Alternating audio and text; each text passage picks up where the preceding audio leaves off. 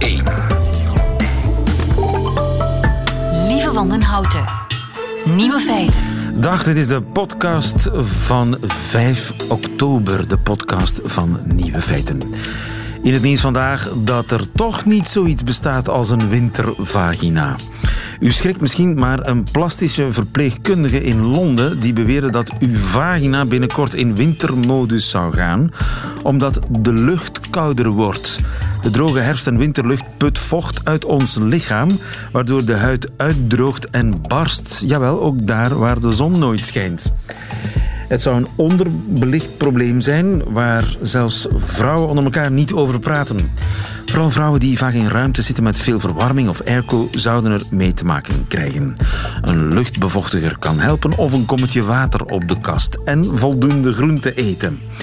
Sinds onder meer The Sun en The Mirror in Engeland over de wintervagina berichten, bewegen gynaecologen hemel en aarde om vrouwen erop te wijzen dat de wintervagina niet bestaat. Onzin is. Een fabeltje, fake news, desinformatie. Kwalijke volksverlakkerij. Jammer eigenlijk, want ik begin het woord al een beetje te missen.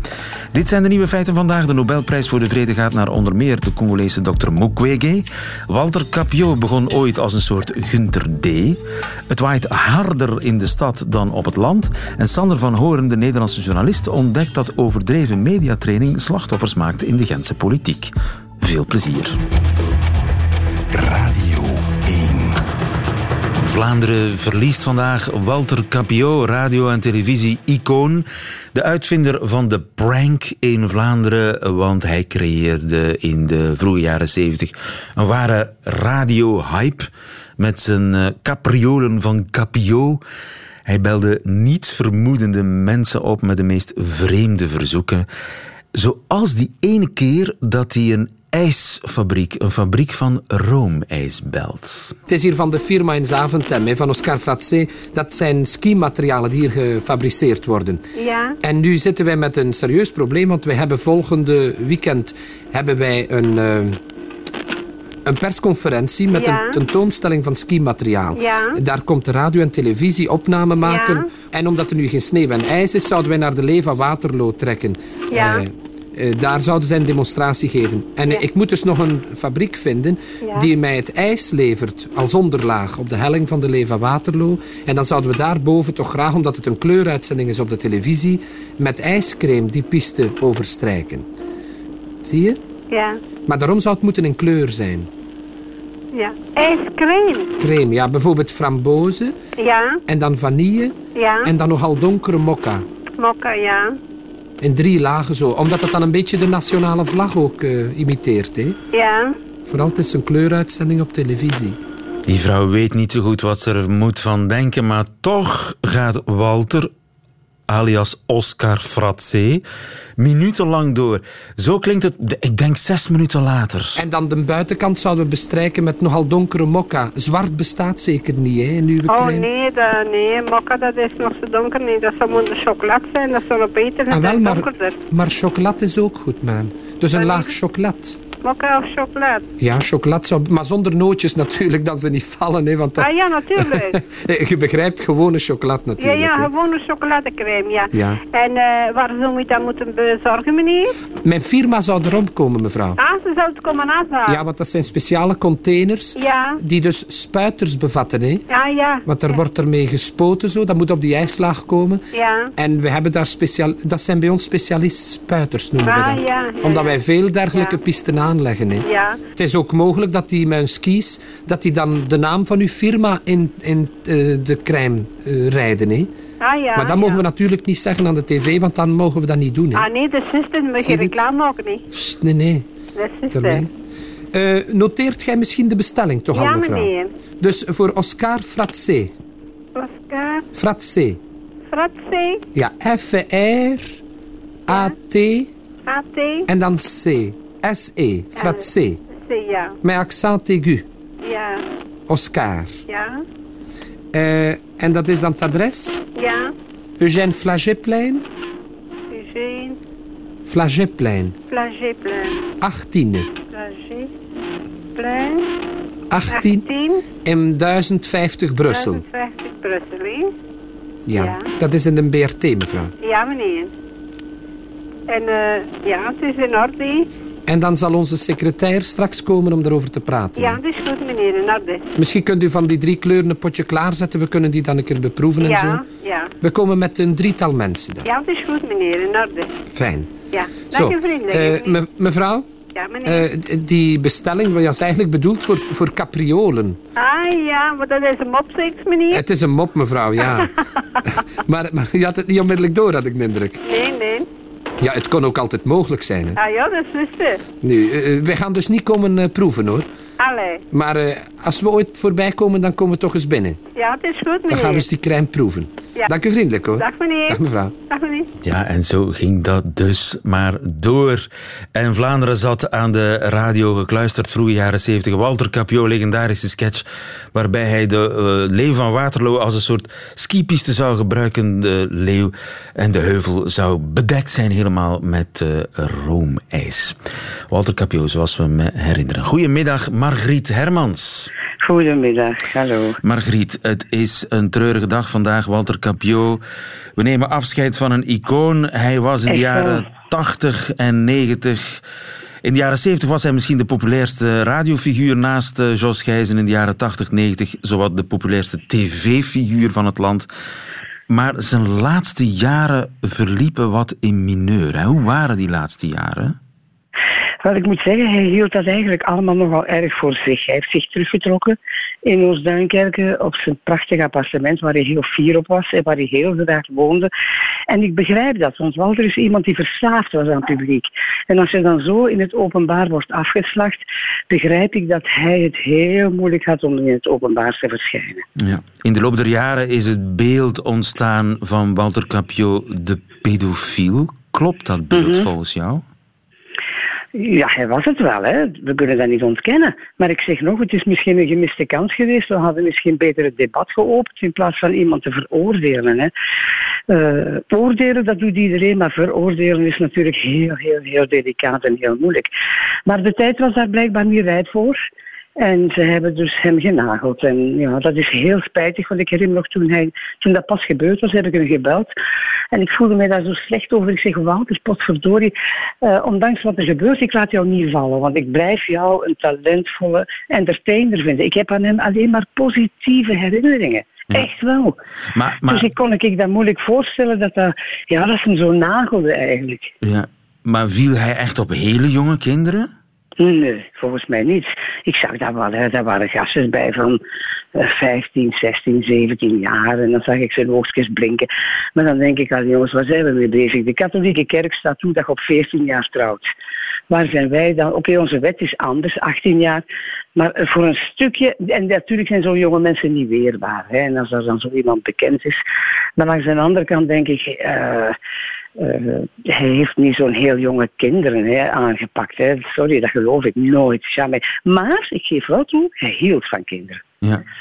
Eh, hij pakte ook de kinderen van Aurore, ik weet dat nog goed. Hij liep daarmee op de armen en zo. En hij was daar heel... eh, ja, hij zag die dood graag. En dan denk ik, ja, ja, als je daar overal iets achter gaat zoeken, dan wordt het natuurlijk wel moeilijk. Maar u had er geen problemen mee om, om jouw kinderen, kleinkinderen aan, aan hem toe te vertrouwen? Nou, ik heb nog geen kleinkinderen. En, Excuses, en, eh, Margriet. Ik, ik, ik dacht al in de toekomst. Ja, oké, ik hoop het dat het ooit komt. Eh, ik zou dat wel vertrouwd hebben, echt wel. Moest ik een zoon gehad hebben van 14, 15 jaar, dan zou ik er al eens twee keer over nadenken. Ik zou hem op zijn minst verwittigen en wat weerbaar opstellen. Hè. Maar dat hij, wel, hij gaf zijn fout wel toe. tuurlijk. Hij wist dat ook wel. Ik bedoel, Walter was eigenlijk heel, heel oprecht en heel eerlijk, maar dat maakte hem nog kwetsbaarder, bij wijze van spreken. Hè. Is hij Eh, volgens jou rechtvaardig behandeld? Ja, wettelijk wel, denk ik. Maar naar media eh, heet, heet ze niet, denk ik. Eh, maar ik denk toch, en dat wil ik toch wel even zeggen, dat heel veel mensen een positieve herinnering hebben aan Walter Capio. Het was een rasechte entertainer, hij heeft honderdduizenden mensen super gelukkig gemaakt met zijn humor, met zijn talent. Dus ik denk dat eigenlijk bij de bevolking hij eh, niet zo meteen de persona non grata was. Maar als je natuurlijk zo in het openbaar wordt afgemaakt, dan heb je niet veel zin om nog verder te gaan verdedigen, denk ik. Ja. We zullen hem uh, vooral herinneren als ras-entertainer. Dankjewel, Margriet Hermans. Absoluut. Graag gedaan. Nieuwe feiten. De ontdekking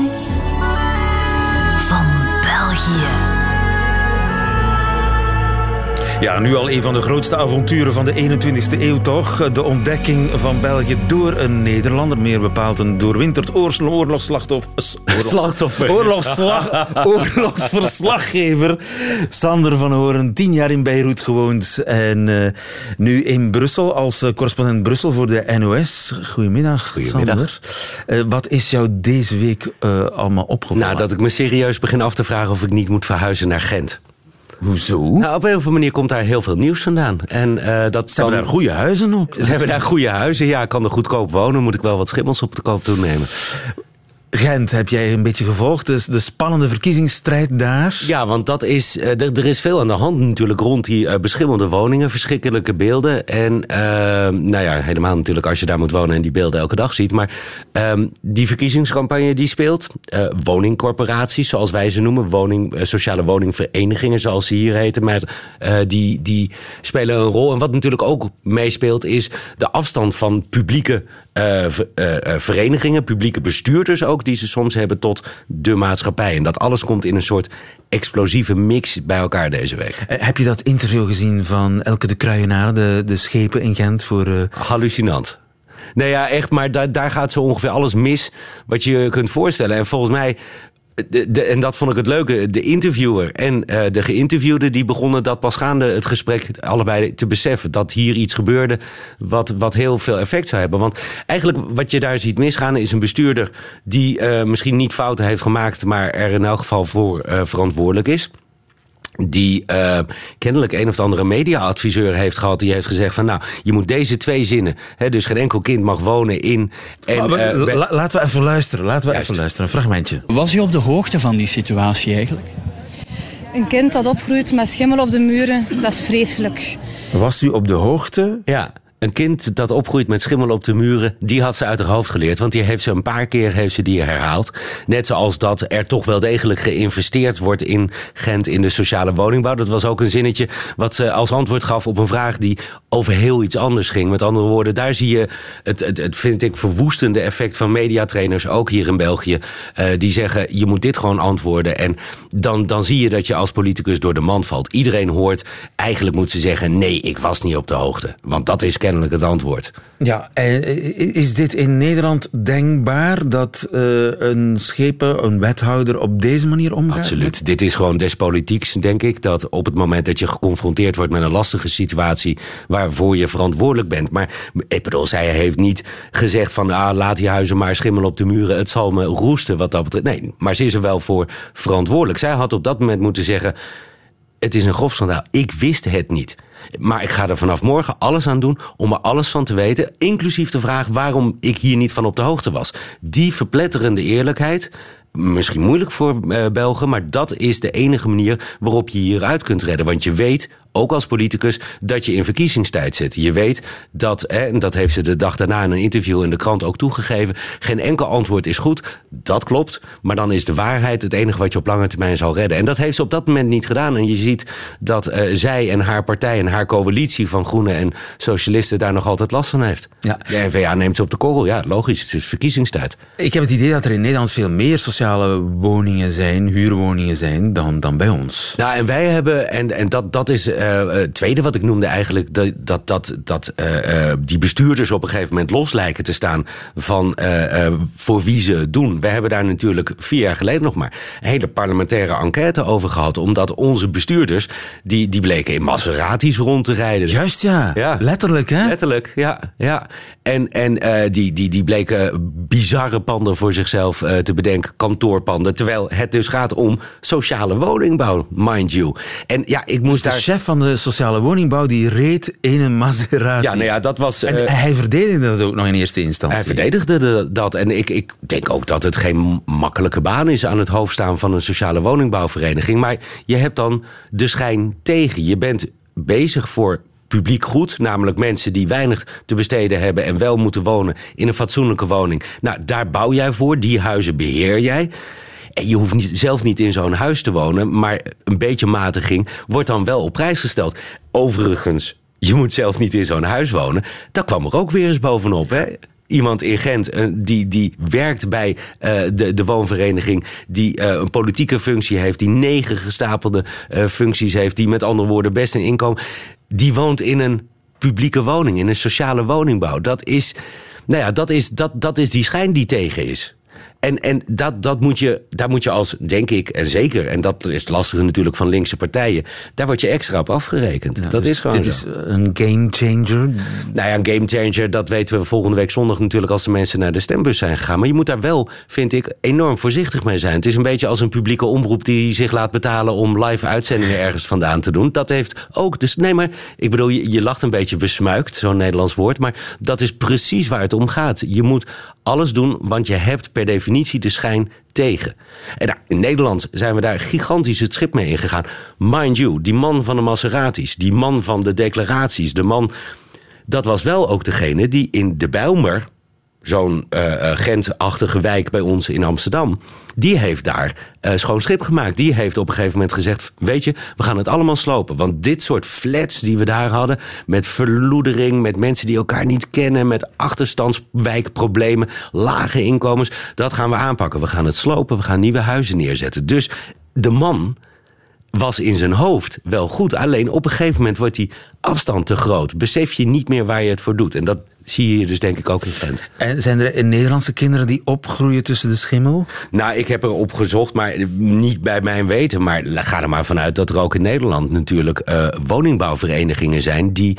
eh, Misschien ook wel terecht zeggen van luister, voor dat soort lage huren, en dat is de crux natuurlijk, kan ik die woning niet opknappen. Dus daar moet gemeenschapsgeld bij. En dat is dan uiteindelijk misschien toch nog wel het interessante verschil tussen Nederland en eh, Vlaanderen in dit geval. In Nederland hebben we eh, in de jaren negentig ergens besloten om die woningbouwverenigingen te verzelfstandigen. Om die eh, bodemloze put die het was voor gemeenschapsgeld, om daar wat aan te doen. Nou, dat is in België dus nog niet zo. De gemeente, de Vlaamse gemeenschap geeft geld aan woningbouwverenigingen om hun werk te kunnen doen. Nou ja, die discussie die zal hier ook wel losbarsten nu. Dus jij pleit ook voor een soort een, grotere zelfstandigheid van die... Nou, ik denk dat uh, kijkend naar Nederland, dat je daar wel een beetje van kan terugkomen. Dat uh, verzelfstandiging in het spoor, in de woningbouwsector, in nou ja, van alles en nog wat ook tot uitwassen kan uh, leiden. Dus als je verzelfstandigt, uh, sta je niet blind op het woord marktwerking. In Nederland is het inmiddels ongeveer een vloek geworden, want dat kan dus heel erg doorschieten. Met topmensen die zich gaan belonen, zichzelf gaan belonen als waren ze een privaat bedrijf. dus dat, nee, eigenlijk is mijn antwoord nee, doe het vooral niet. En als je het doet, zorg dan dat je als overheid er bovenop blijft zitten. Goed, de woordenlijst, de gevreesde woordenlijst komt eraan. Sander, je ontsnapt er niet aan. We hebben het over huizen. Ja. Wat is een plaffetuur? Wat? een blaffetuur. Een blaffetuur. Nee, ja, een, honden, een hondenluikje in de deur. Nee, ik zou het niet weten. Een blaffetuur. Daar is. Discussie. Ja, mijn redacteur staat, uh, denkt dat het een rolluik is. Een rolluik. Maar volgens mij is het gewoon een luik van die klapluikjes. Ja. Maar zou dat in dat rare Vlaams ook niet kunnen zijn dat dat dan bijvoorbeeld in Gent een rolluik is, terwijl het in Limburg een uh, klapluikje is? Zoiets. Ja. Dat, dat zou wel kunnen. Uh, een, een, de, de hof. Uh, de binnentuin of de tuin, gewoon de tuin, zo. Ja. Goed, ja. ja. En een kozijn? Een kozijn? Dat is toch gewoon wat er om een raam heen zit, het raamkozijn? Raamkozijn is in, in Nederland natuurlijk ja, je ook... moet het wel een beetje moeilijk maken, lief. Ja, ja, ja, maar ik wil niet rond de pot draaien. Uh, er, er niet omheen draaien? Uh, maar de, rond de pot draaien is wel een Vlaamse uitdrukking. Dat is een Vlaamse... Ja, nou, rond de, ja, om de hete brei heen draaien, zouden wij ja, zeggen. rond de pot draaien. Ja. Want in de in verkiezingstijd heb je wel eens kazakkendraaiers. Kazakkendraaiers? Ja. Nee. Kazakkendraaier? Nee, zou ik niet weten. Dat is iemand, een overloper. Ah, een overloper. Een kazak is volgens mij een kledingstuk dat ja? je dan omdraait of zoiets. Dan zie je er opeens anders uit. Ik, ik verzin kazak... de etymologische uitleg. Hebben we al kazakkendraaiers in Gent? Volgens mij niet, hè? Voorlopig niet, maar nee. wat niet is, kan nog komen. Het duurt nog 14 dagen. Spannend. Dankjewel. En tot volgende week. Nieuwe feiten. Altijd benieuwd. We spoelen even een uurtje terug naar uh, Noorwegen, naar Oslo, waar de Nobelprijs voor de Vrede is uitgereikt. The Norwegian Nobel Committee has decided to award the Nobel Peace Prize for 2018 to Denis Mukwege and Nadia Murad for their efforts to end the use of sexual violence as a weapon of war and armed conflict. Ja, omdat zij zich ingezet hebben om een einde te maken aan seksueel geweld als wapen in de oorlog krijgen Nadia Murad en Denis, of Denis Mukwege de Nobelprijs voor de Vrede dit jaar. Dag Peter Verlinde. Goedemiddag. Uh, heb jij een van beiden ooit ontmoet? Ja, absoluut. Denis Mukwege ken ik eigenlijk uh, bijzonder goed. Zelfs vrij persoonlijk. Hij is een uh, man die ik voor het eerst uh, persoonlijk ontmoet heb in 2011.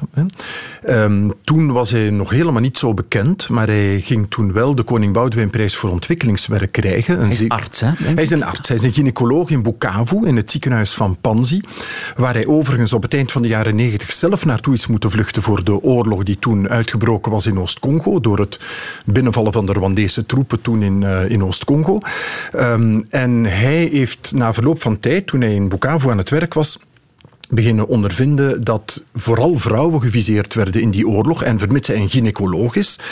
En hij altijd... zag de resultaten op zijn tafel. Voilà, inderdaad. En hij heeft, mij, hij heeft, mij, ook verschillende keren verteld hoe hij zich een carrière had voorgesteld om vrouwen te helpen bij het krijgen van kinderen. Terwijl hij eigenlijk nu al zowat zijn hele carrière, want hij was toen nog een jonge arts, zijn hele carrière bezig is met, zoals hij soms genoemd wordt, het repareren van vrouwen. Het herstellen van vrouwen die dikwijls verkracht of op andere andere manieren misbruikt zijn, zodanig dat hun uh, vrouwelijke organen helemaal uh, vernield ja. geraken. En zijn drijfveer is woede. Je suis très déçu. Ça dure maintenant à plus de 10 ans. C'est le silence complet. Si vous posez la question à ces femmes, vous leur posez la question qu'est-ce que vous voulez Je suis presque certain ne vont pas vous dire la nourriture, elles ne, vont, elles, elles vont pas vous dire les médicaments, elles vont vous dire la paix. Ja, dus we, we, we, zijn altijd bezig met, met medicijnen leveren en voedsel leveren. Mm -hmm. Maar vrede? Ja, in al die jaren dat ik dat conflict in Oost-Congo volg en dus geregeld uh, Denis Mukwege zowel ter plaatse gezien heb, maar ook heel dikwijls in het buitenland, uh, maar dan vooral hier in België, hè, want hij reist de wereld rond met zijn verhaal, altijd weer komt boven van, ja, jullie zeggen wel in het Westen dat uh, dit allemaal verschrikkelijk is. Jullie steunen mij wel. De, deze Nobelprijs is niet zijn eerste grote prijs. Hij heeft de Sakharovprijs van het Europees Parlement ook al gekregen in 2014 al. En dan die Koning Boudewijnprijs die ik zo net noemde. Hij is dus internationaal wel degelijk erkend voor zijn inzet, maar op het terrein verandert er eigenlijk niets.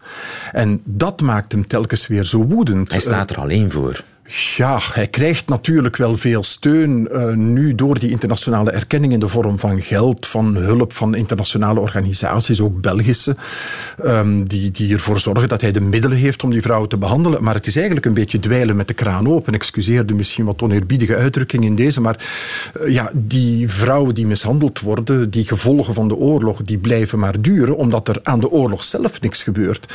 En het opmerkelijke, of veel te weinig gebeurt. Maar het opmerkelijke is dat hij daardoor, uh, en dat is natuurlijk op dit moment vandaag, wordt er niet veel gezegd internationaal, maar ik zeg het hier toch maar even. Daardoor is hij ook meer en meer een politieke rol aan het spelen. Denis Mukwege is een van die toonaangevende Congolezen die zegt met dit regime van Kabila kan het zo niet verder. De verkiezingen die nu gepland zijn voor 23 december, dat kan nooit op een correcte manier verlopen, want ze zijn nu al bezig om alles corrupt te maken, om, om, om, om stroopoppen aan de macht te brengen. Um, eigenlijk gaat hij zover om te zeggen van uh, Kabila moet gewoon weg en er moet onder internationaal toezicht of in een soort overgangs regime ordentelijke verkiezingen komen, want op een andere manier gaan we niet tot echte vrede komen. Heeft hij, hij ambities? Wel nee, hij heeft altijd zelf gezegd dat hij zelf geen kandidaat zou zijn om president te worden. Ik geloof hem op dat punt ook wel, hoewel je altijd met twee woorden moet spreken.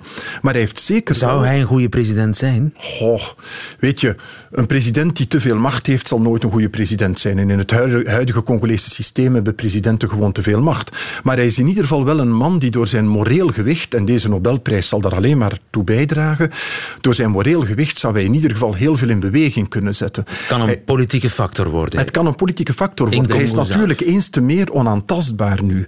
Ehm, er zijn verschillende pogingen geweest om hem te liquideren. Op een bepaald moment is er ook een aanslag geweest op hem. Hij is dan een tijdje hier in België komen wonen. Ik heb hem toen ook eh, opgezocht, zowel voor eh, televisie als privé.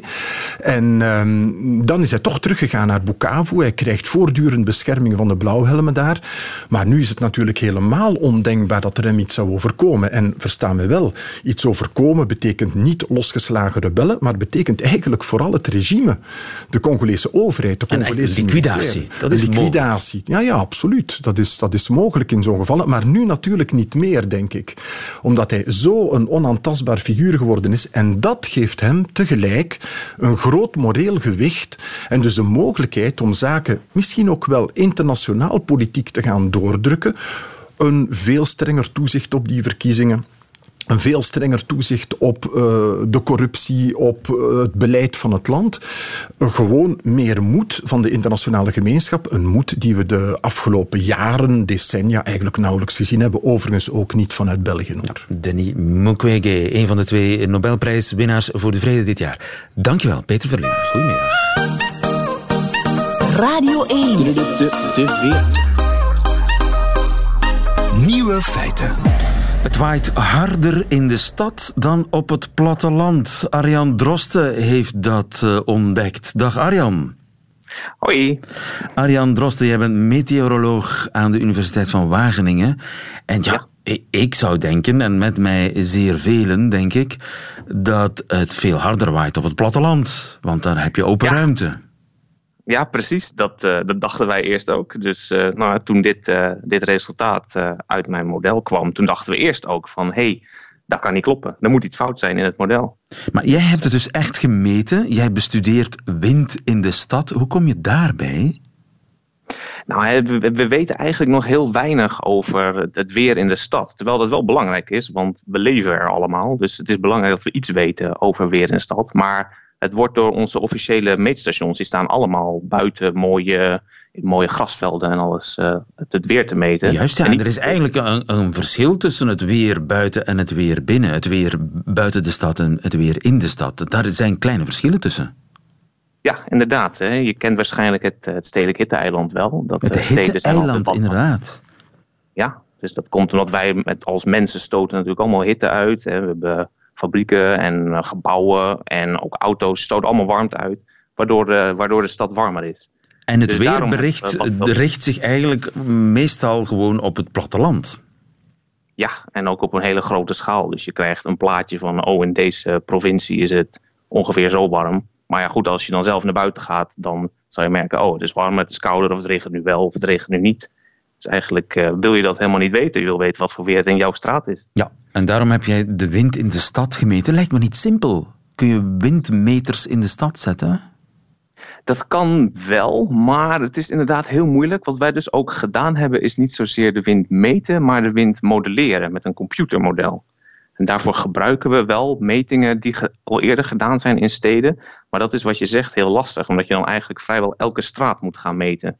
Want zeker met wind, dat, is, uh, dat verandert heel erg veel. Van het ene op andere straathoekje kan, het ineens, uh, kan je ineens van je fiets geblazen worden. Zeg maar. En zo'n windmeter hang je die gewoon aan een huisgevel? Nou, liever niet. Uh, eigenlijk moet je die midden in de straat hangen. Want als je hem aan een huisgevel hangt, hè, dan verstoort die de wind ook weer. Want als het dan tegen de gevel aanblaast, dan waait het veel te hard of hij zit volledig windstil. Dus dat maakt het nog extra moeilijk. Dus je moet hem eigenlijk aan een touwtje hangen tussen twee huizen. Precies, en daarom is het zo ontzettend lastig. En daarom hebben we er dus voor gekozen om een computermodel te gebruiken. Okay. In plaats van een hele stad vol te hangen. En uh, tot jouw niet geringe verbazing bleek dus dat over de hele meting genomen in de stad het meer waait dan op het platteland. Maar er zijn waarschijnlijk grote verschillen. Want ik ken een plek, bijvoorbeeld in de stad waar ik woon, is er één plek en daar waait het altijd. Ja, dat klopt. Het is, uh, op, uh, bij onze eigen universiteit is er ook zo'n plek. Daar zie je de studenten van een fiets geblazen worden. Maar dat is iets anders dan wat wij aan het onderzoeken zijn. En wat je zegt, dat is al, al langer bekend. Dat is een soort, nou ja, je zou het een uh, tunneleffect kunnen noemen. Die wind die moet zich door een straat heen persen en daardoor waait het daar inderdaad heel hard. Wat wij bekeken hebben is het effect al van de hele stad op de wind, zeg maar. Dus van de hele stad als geheel, als een soort blok, heeft ook een invloed op de wind, waardoor het gemiddeld ietsjes harder kan waaien dan op het platteland. En is daar een verklaring voor? Ja, het is uh, goed. Ik heb er een heel artikel over volgeschreven. Maar uh, het komt erop neer van de, er is een, een laag van de atmosfeer uh, dicht bij het aardoppervlak, de grenslaag. Die wordt bepaald door wat er gebeurt aan het oppervlak.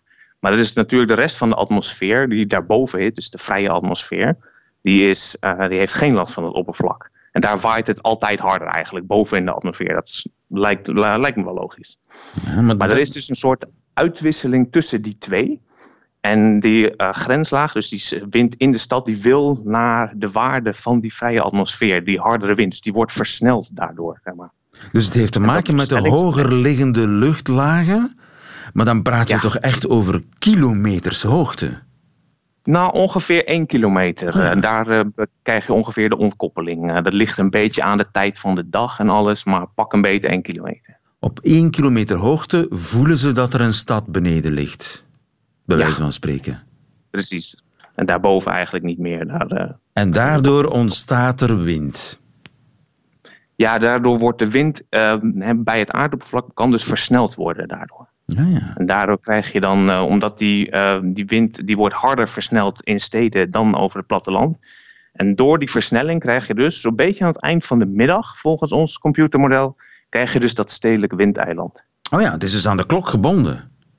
Ja, nee, echt. Dus dat heeft te maken met de opwarming van, de, van het land natuurlijk. Want dus als de zon schijnt, dan wordt het opgewarmd. En ook mede door dat stedelijk hitteeiland warmt de stad dus meer op. En dan krijg je dus ook meer dat de lucht daar meer gaat opstijgen. Dus krijg je nog wat extra wind, zeg maar. Dus kort na de middag. Ja, ongeveer. Net na het warmste moment van de, van de dag, dan steekt er een briesje op. Een stadsbries, ja. zeg maar. Bijna wel, ja. Ik ga er eens op letten. Dankjewel, Arjan ja. Drosten. Goedemiddag. Goedemiddag. Nieuwe feiten. Het waait harder in de stad dan uh, op het platteland. Uh, weer een nieuw feit. Ik ben benieuwd naar de nieuwe feiten van Nico Dijksoren vandaag. Deze 5 oktober. Nieuwe feiten. Middagjournaal. Beste luisteraars. Gisteren was het dierendag. En ik heb helemaal niets gezegd over poesjes met een heel raar wollen mutsje op. Heb niks gezegd over gekke lieve olifantjes die in het water vallen en dat de moeder hun dan helpt en dat die moeder ook in het water valt. Of over een hond met twee schoenen aan zijn voorpoten. En dat is ook meteen de reden waarom ik de dieren tijdens Dierendag heb genegeerd. Iedere dag, werkelijk iedere dag, is het gekke dierendag op Facebook, Twitter en Instagram. En ik vind dat vreselijk voor de dieren. Laat ik dat even uitleggen. Ik ben al heel oud en in mijn jeugdjaren was een dier nog gewoon een dier. Op een plaatje of in een boek. De leeuw, die zag er nog echt uit als de koning der dieren. Een giraf, die leefde op de Afrikaanse steppen. Honden, die lagen in een mand. Dieren, die hadden nog een zekere waardigheid. Ze deden gewoon dierendingen aan hun eigen kont ruiken en naar een tafel vol met eten kijken. Ze knorden als je ze aaide en ze wilden bij je in bed slapen. En dat komt allemaal nooit meer terug. Door alle filmpjes op internet zijn dieren een humoristische attractie geworden. Honderden honden en katten heb ik met hun kop tegen een raam zien lopen. Ik heb een parkiet gezien die Willem heet en die doet zes koprollen in een braadpan. Ik heb op dit moment 19.476 katten van een televisie zien vallen omdat er pief paf poef op de televisie is. 6.383 katten heb ik met hun kop vast zien zitten in een pot chocoladepasta. Luisteraars, het is een ziekte. Wij mensen zetten dieren papieren hoedjes op en hopen dat ons filmpje wordt gedeeld. Het gaat allemaal weer eens een keer om ons, om ons vertier. Het wilde dier is vandaag een hofnar geworden. Ha ha ha, kijk nou eens, die giraf loopt met zijn nek tegen een boomtak en valt daarna op de grond, net zoals ome Ari als hij dronken is.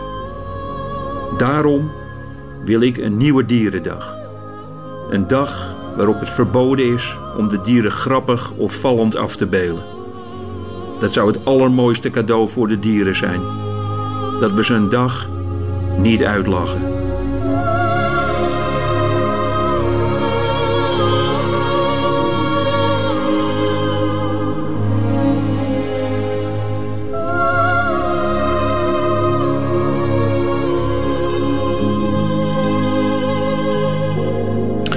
Het middagjournaal met Nico Dijkshoorn. Meteen het einde van deze podcast, maar u vindt er nog veel meer op radio1.be en op de gebruikelijke podcastkanalen. Tot volgende keer.